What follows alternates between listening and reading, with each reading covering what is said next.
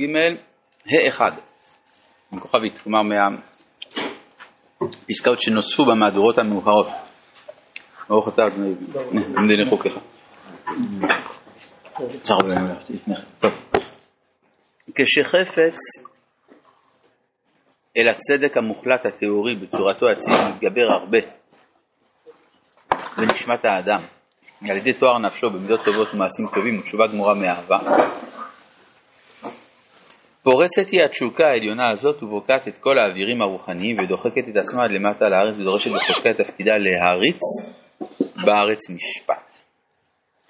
כן, כלומר, אה, לפני כן הוא אמר לנו שאחד מהדרכים המיוחדות של התשובה זה לימוד ההלכות של חושן משפט, דינוי אמונות, משום שזה מבסס את הצדק.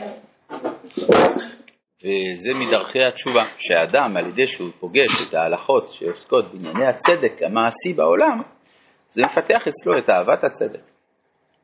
יכול להיות בדיוק כיוון הפוך, מאהבת הצדק אז הוא לומד חושן משפט. וזה הפסקה שלנו.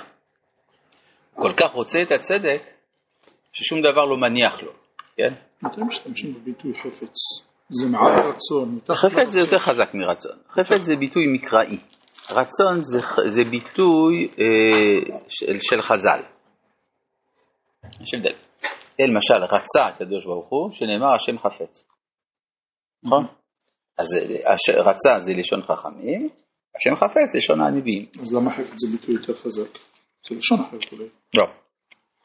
בגלל שברצון יש מרחק ביני לבין הדבר שאני רוצה, לכן זה רצון לשון לרוץ, אני רץ אל הדבר. לעומת זה בחפץ יש התאחדות עם הדבר. כמו שאתה אומר, חפצים בעברית מודרנית זה דברים, חפץ כזה. כן. מי האיש החפץ חיים? זאת אומרת, הוא מאוחד עם החיים. כן. הוא שותק מהגר. עד כדי כך שהוא כבר שמה. כאילו הוא כבר שם. סתם מה שאנחנו קוראים רצון, בלשון המקרא יש מילה אחרת, אהבה. לא אהבה יבמי, לא אהבה השם השחיתך. כשחפץ, אז מה שהרב אומר, שלפעמים החפץ של הצדק הוא גורם גם להגיע עד פרטי הפרטים של הלכות חושן משפט. כשחפץ אל הצדק המוחלט, התיאורי, התיאורטי גם, בצורתו האצילית. זה הצד הרעיוני של הדבר? כן, בדיוק. כלומר, רעיון הצדק. זה נקרא התיאורי. זה כמו שיש לך למשל אה, עקרונות ויש יישום העקרונות. אז העקרונות זה נקרא תיאורי. תיאורי להבדיל מתיאורי, זה מתאר אותו. כן, כן, זהו. אז זה לשון תיאוריה פה. כן. כשהחפץ אל הצדק המוחלט, התיאורי, בצורתו האצילית, כן? כלומר יותר מאשר תיאוריה, זה כבר הופך להיות משהו באלוהות, הוא מרגיש שהצדק זה עניין אלוהי, מתגבר הרבה בנשמת האדם, יש איזו השתוקקות כזאת. ולמה זה מתגבר אצלו? כי הוא אדם טהור. למה הוא אדם טהור? על ידי תואר נפשו במידות טובות ומעשים טובים ותשובה גמורה מאהבה.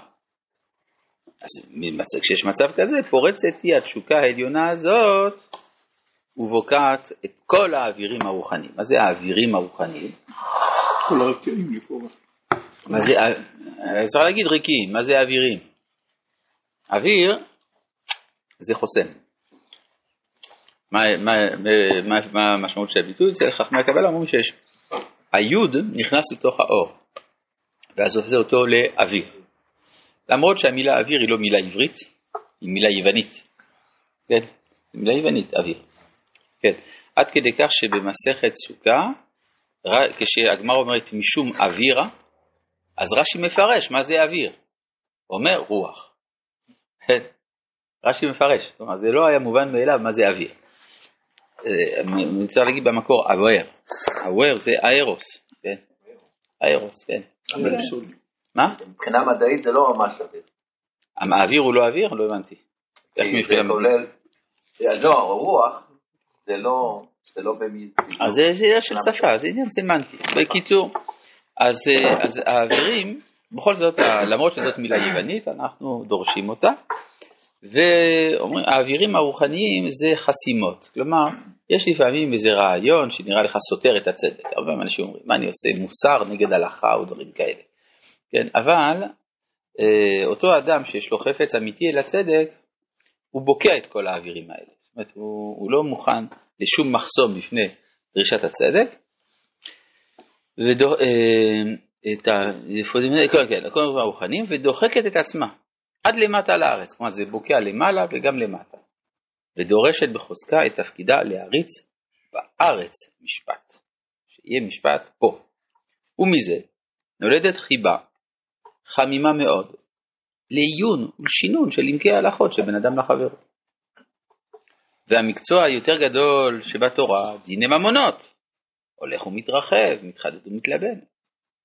ועימו כל המקצועות של ההלכות המעשיות. כן, זה משנה במסכת בבא בתרא, שמי שרוצה להחכים ילמד, יעסוק בדיני ממונות, שאין לך מקצוע בתורה גדול מהם.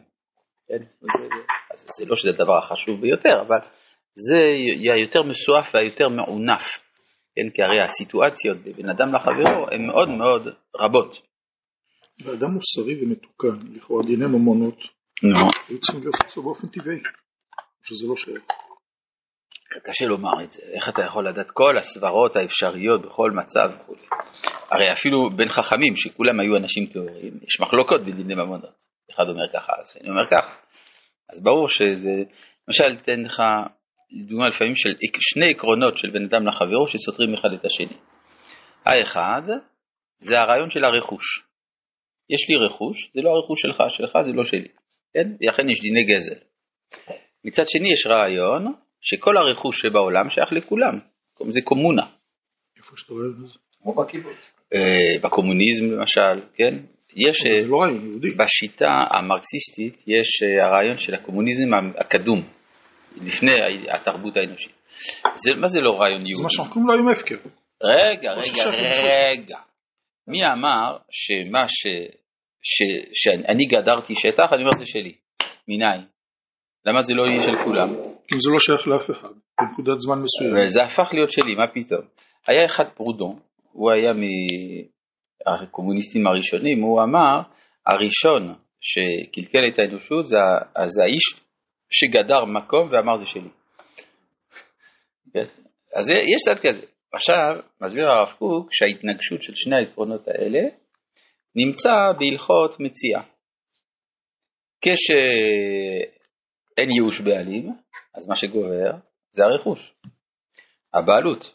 כשיש ייאוש בעלים, הקומונה חוזרת. כן? הנה, דוגמה. אז אתה רואה התנגשות של שני עקרונות, וצריך לדעת איך מיישבים ביניהם. יש ייאוש מדעת, אין ייאוש, כלומר ייאוש שלא מדעת, יש דבר כזה או לא, זה, זה המחלוקת, אביי ורבא. עכשיו זה לא שאביי הוא יותר מוסרי מרבא או רבא יותר מוסרי מאביי, אלא יש צד לומר ככה, יש צד לומר ככה.